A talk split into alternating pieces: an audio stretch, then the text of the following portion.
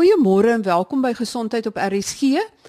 Ons gesels vandag oor borskanker en baie spesifiek oor die behandeling van borskanker en nog meer spesifiek oor hoe dokters besluit watter spesifieke behandeling 'n pasiënt met borskanker kry want daar is meer as een soort borskanker. En tegnologie het die afgelope paar jaar met baie groot spronge vooruit gegaan sodat medisy baie meer spesifiek kan bepaal watter soort borskanker dit is en spesifiek op die DNA vlak van die borskanker. Ek gesels met dokter Etienne Meiburg.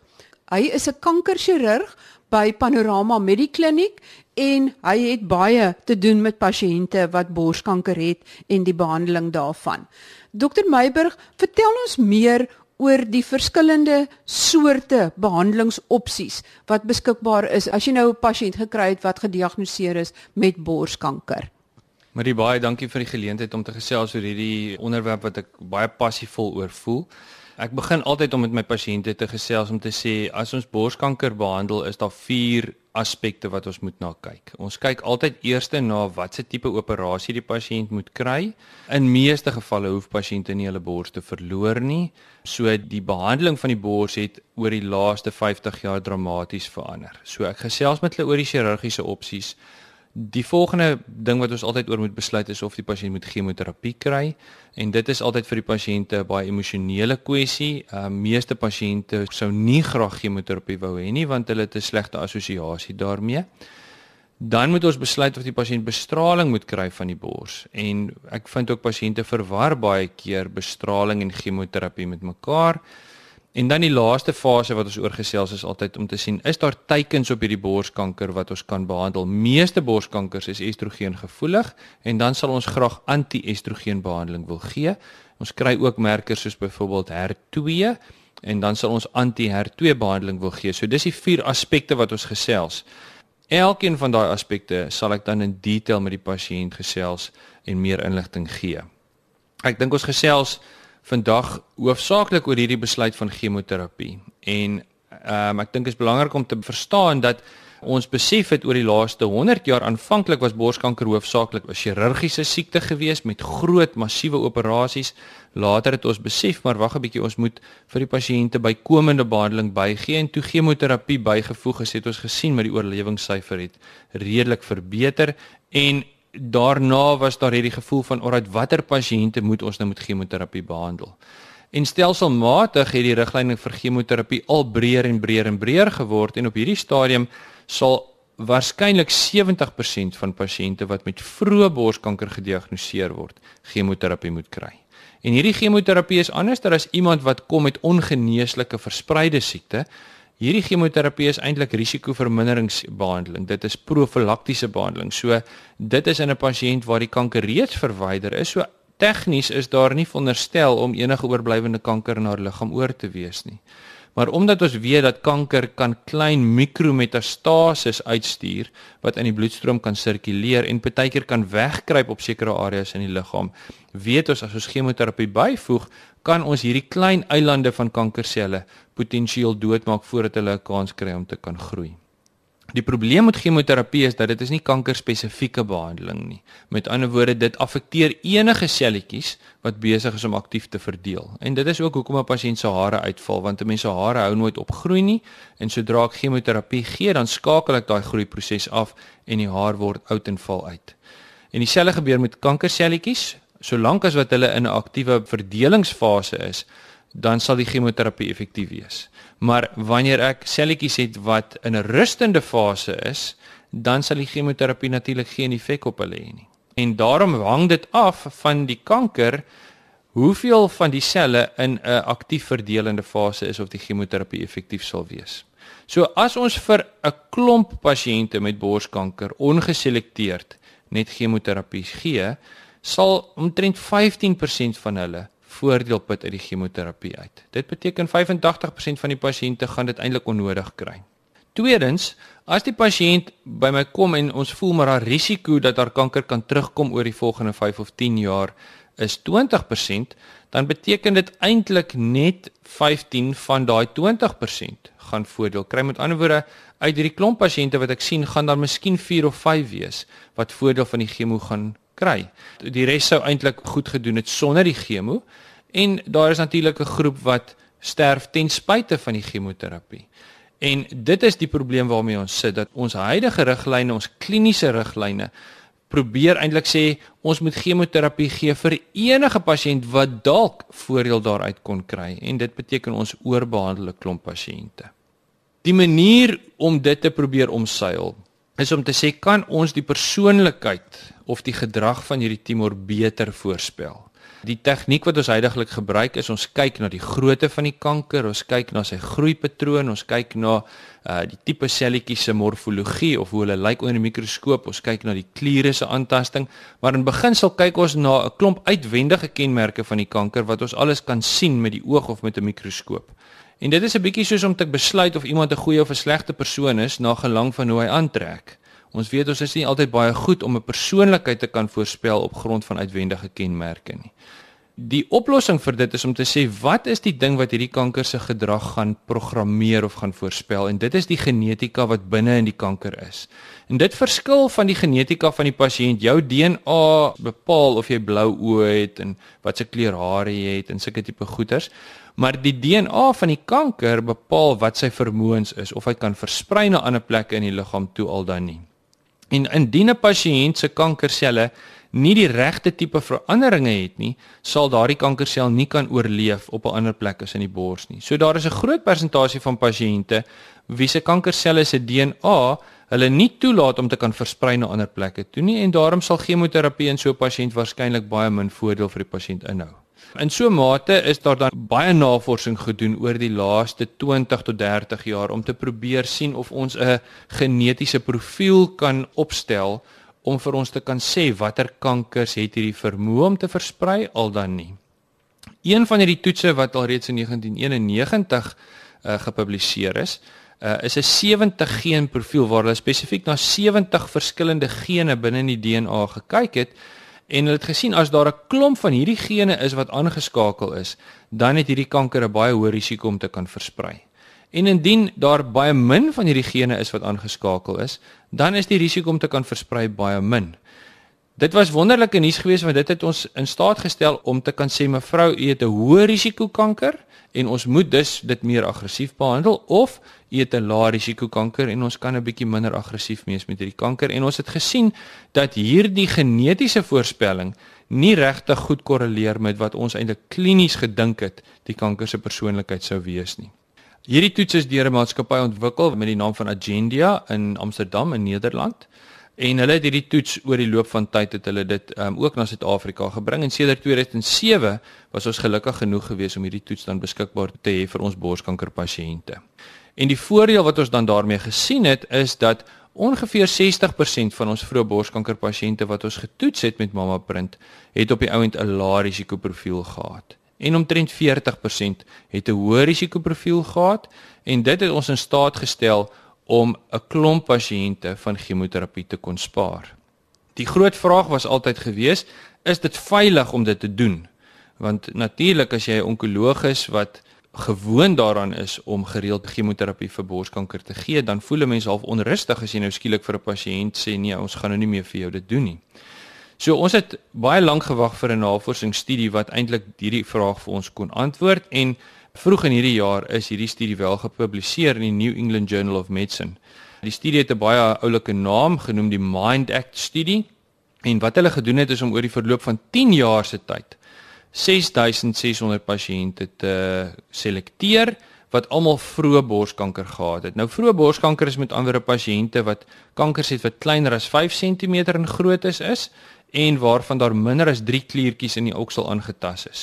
So dit het nie pasiënte ingesluit met verspreide siekte of pasiënte wat baie groot aggressiewe kankers het of pasiënte wat baie kliere in die oksel aangetast het nie. Daardie pasiënte behoort in elk geval chemoterapie te kry. In hierdie vroeë borskanker pasiënte is daar dan besluit om te sê, "Oral die pasiënte wat klinies baie lae risiko is en ook 'n lae risiko genetiese profiel het, ons gaan vir hulle nie chemo gee nie, hulle gaan net anti-estrogen behandeling kry." Al hierdie pasiënte in hierdie studie was estrogen sensitiewe pasiënte gewees met die uitsondering van 'n paar pasiënte wat aanvanklik gelyk het of hulle estrogen positief is, maar toe later nie was nie. Maar die grootste meerderheid is estrogen gevoelige borskankers. So die lae risiko pasiënte is behandel met anti-estrogen behandeling. Dan was daar 'n groep gewees van hoë risiko pasiënte wat beide klinies en ook geneties hoë risikoprofiele gehad het en hulle is almal chemoterapie gegee. En dan was daar 'n groep in die middel gewees waar die pasiënte op kliniese gronde chemoterapie sou kry. Met ander woorde tradisioneel sou ons vir al daai pasiënte chemoterapie gegee het. Maar ons het nou 'n klomp van daai pasiënte wat 'n lae risiko mamma print profiel gehad het en ons het gesê kom ons los die chemoterapie in die helfte van daardie pasiënte sodat ons kan sien of die chemoterapie regtig 'n verskil sal maak in hierdie pasiënte. En wat ons gesien het in daardie groep is baie belangrik dat of ons nou vir die pasiënt chemoterapie gee of nie chemoterapie gee nie, hulle oorlewing na 5 jaar is eintlik presies dieselfde. Die verskil tussen die twee groepe was glad nie betekenisvol geweest nie en dit het vir ons die gerusheid gegee om te sê wanneer iemand 'n lae risiko genetiese profiel het dan hoef ons nie vir hulle chemoterapie te gee nie al lyk dit op kliniese gronde asof hierdie 'n aggressiewe kanker is en dit spaar met ander woorde op die ou end chemoterapie vir 'n bietjie minder as 50% vir 47% van die pasiënte kan ons met ander woorde op die langtermyn sê U hoef nie chemoterapie te kry nie. Ons gaan nie met anti-estrogen behandeling alleenlik behandel en die uitkoms op die langtermyn gaan eintlik presies dieselfde wees. Dit is belangrik om te weet dat borskankers dat chemoterapie maak nie die risiko van herhaling nul nie. Dit maak die risiko ietwat minder. So selfs pasiënte wat met anti-estrogen behandeling behandel word, sien ons baie keer dat na 10 of selfs baie keer na 15 jaar dat daar nog steeds kankerherhalings plaasvind.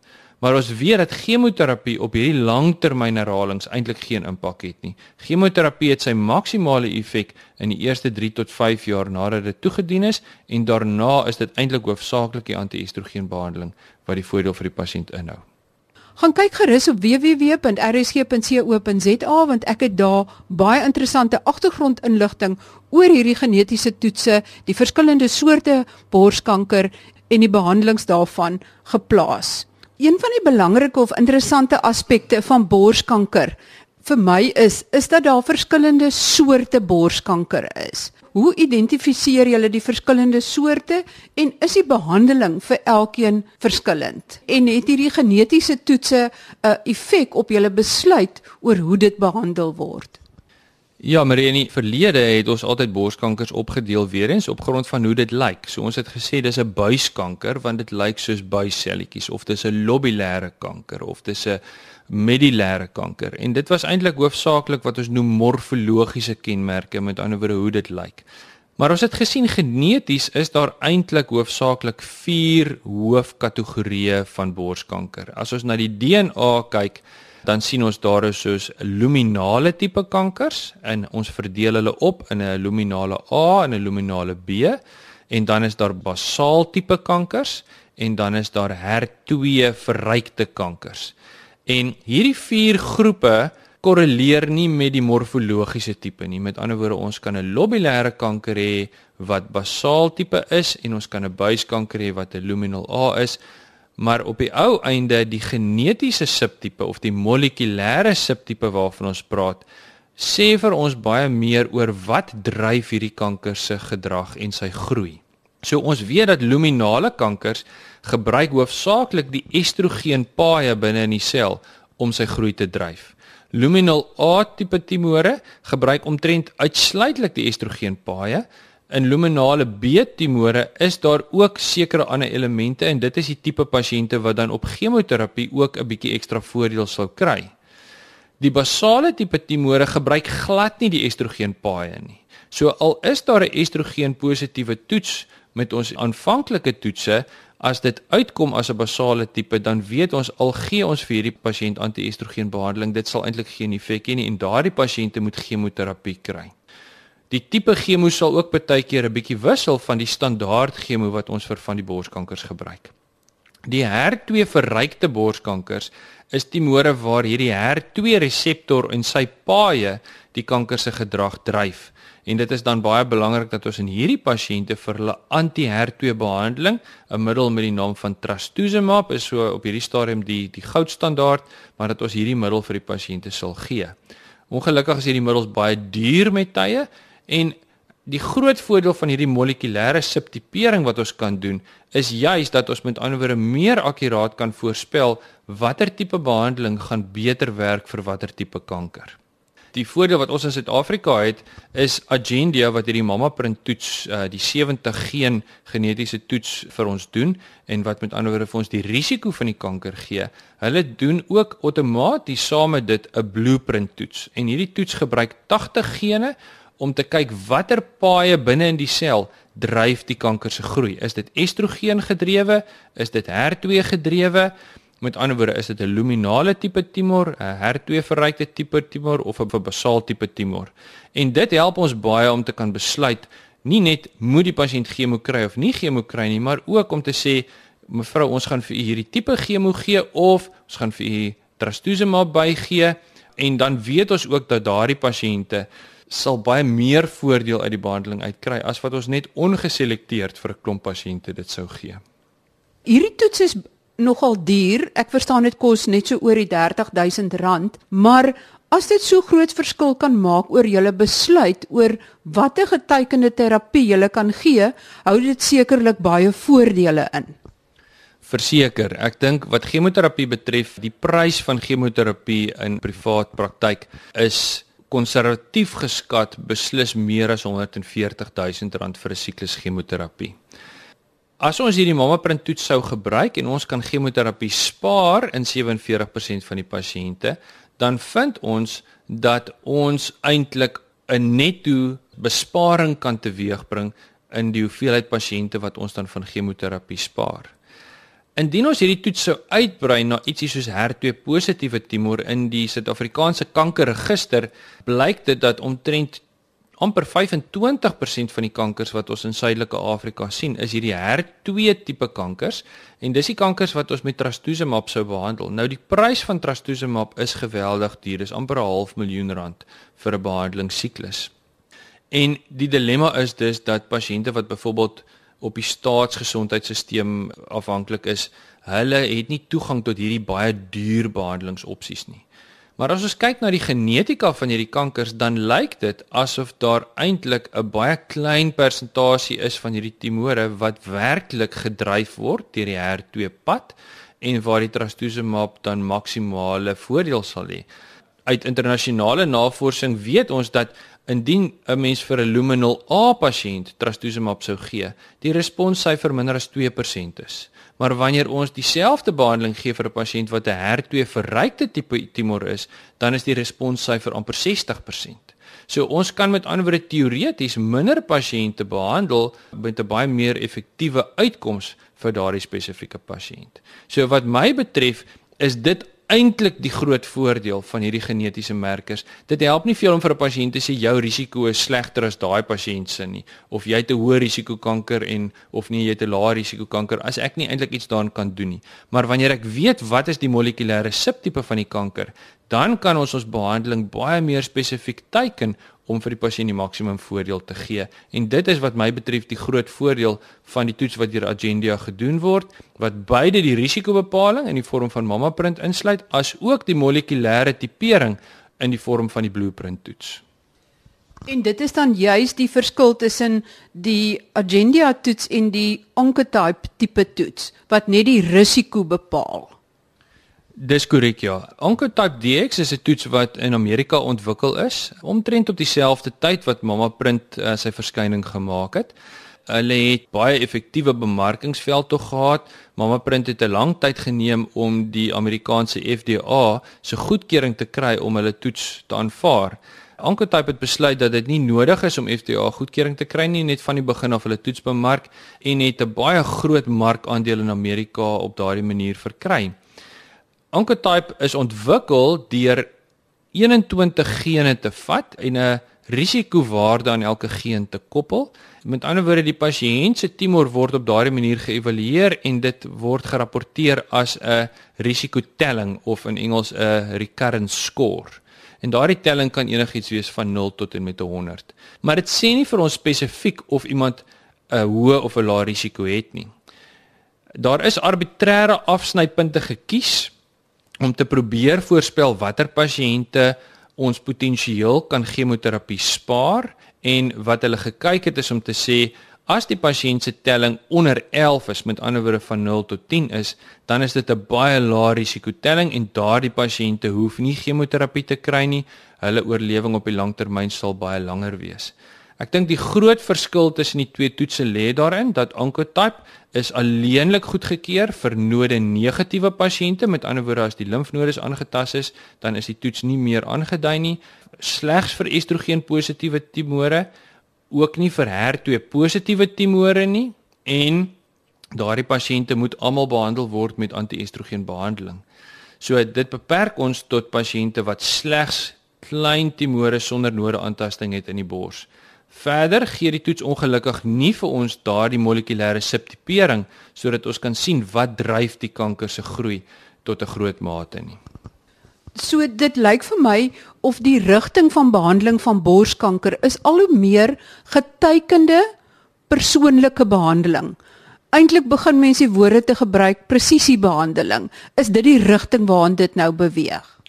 Dit is presies waarna ons mik en ek dink wat mense moet besef is dat daar gaan eintlik geen navorsing verder in chemoterapie in nie. Niemand ontwikkel nuwe chemoterapiemiddels nie. Al die nuwe antikankerbehandelings wat ontwikkel word is wat ons praat van biologiese behandeling. So dis of antiliggame teen spesifieke teikens in die kanker of dit is immuunmoduleerders wat die liggaam se immuunstelsel op 'n manier aanskakel of potensieer of dit is klein molekules wat bind aan spesifieke reseptore binne in die sel. Maar hierdie is met ander woorde getekende terapie. Dit is nie soos chemoterapie wat al die selle aanval nie. Die probleem wat ons mee sit is dat die kostes van hierdie nuwe biologiese middels is massief hoog. Ons praat van 150 tot 200 000 rand per behandeling vir 'n pasiënt. En as die pasiënt goed reageer, moet die pasiënt potensieel vir 'n jaar of 2 op hierdie behandelings bly. So jy kan jy kan sien dat dit maklik 3 of 4 of 5 miljoen rand per jaar kan kos om 'n pasiënt met van hierdie nuwe middels te ontwikkel.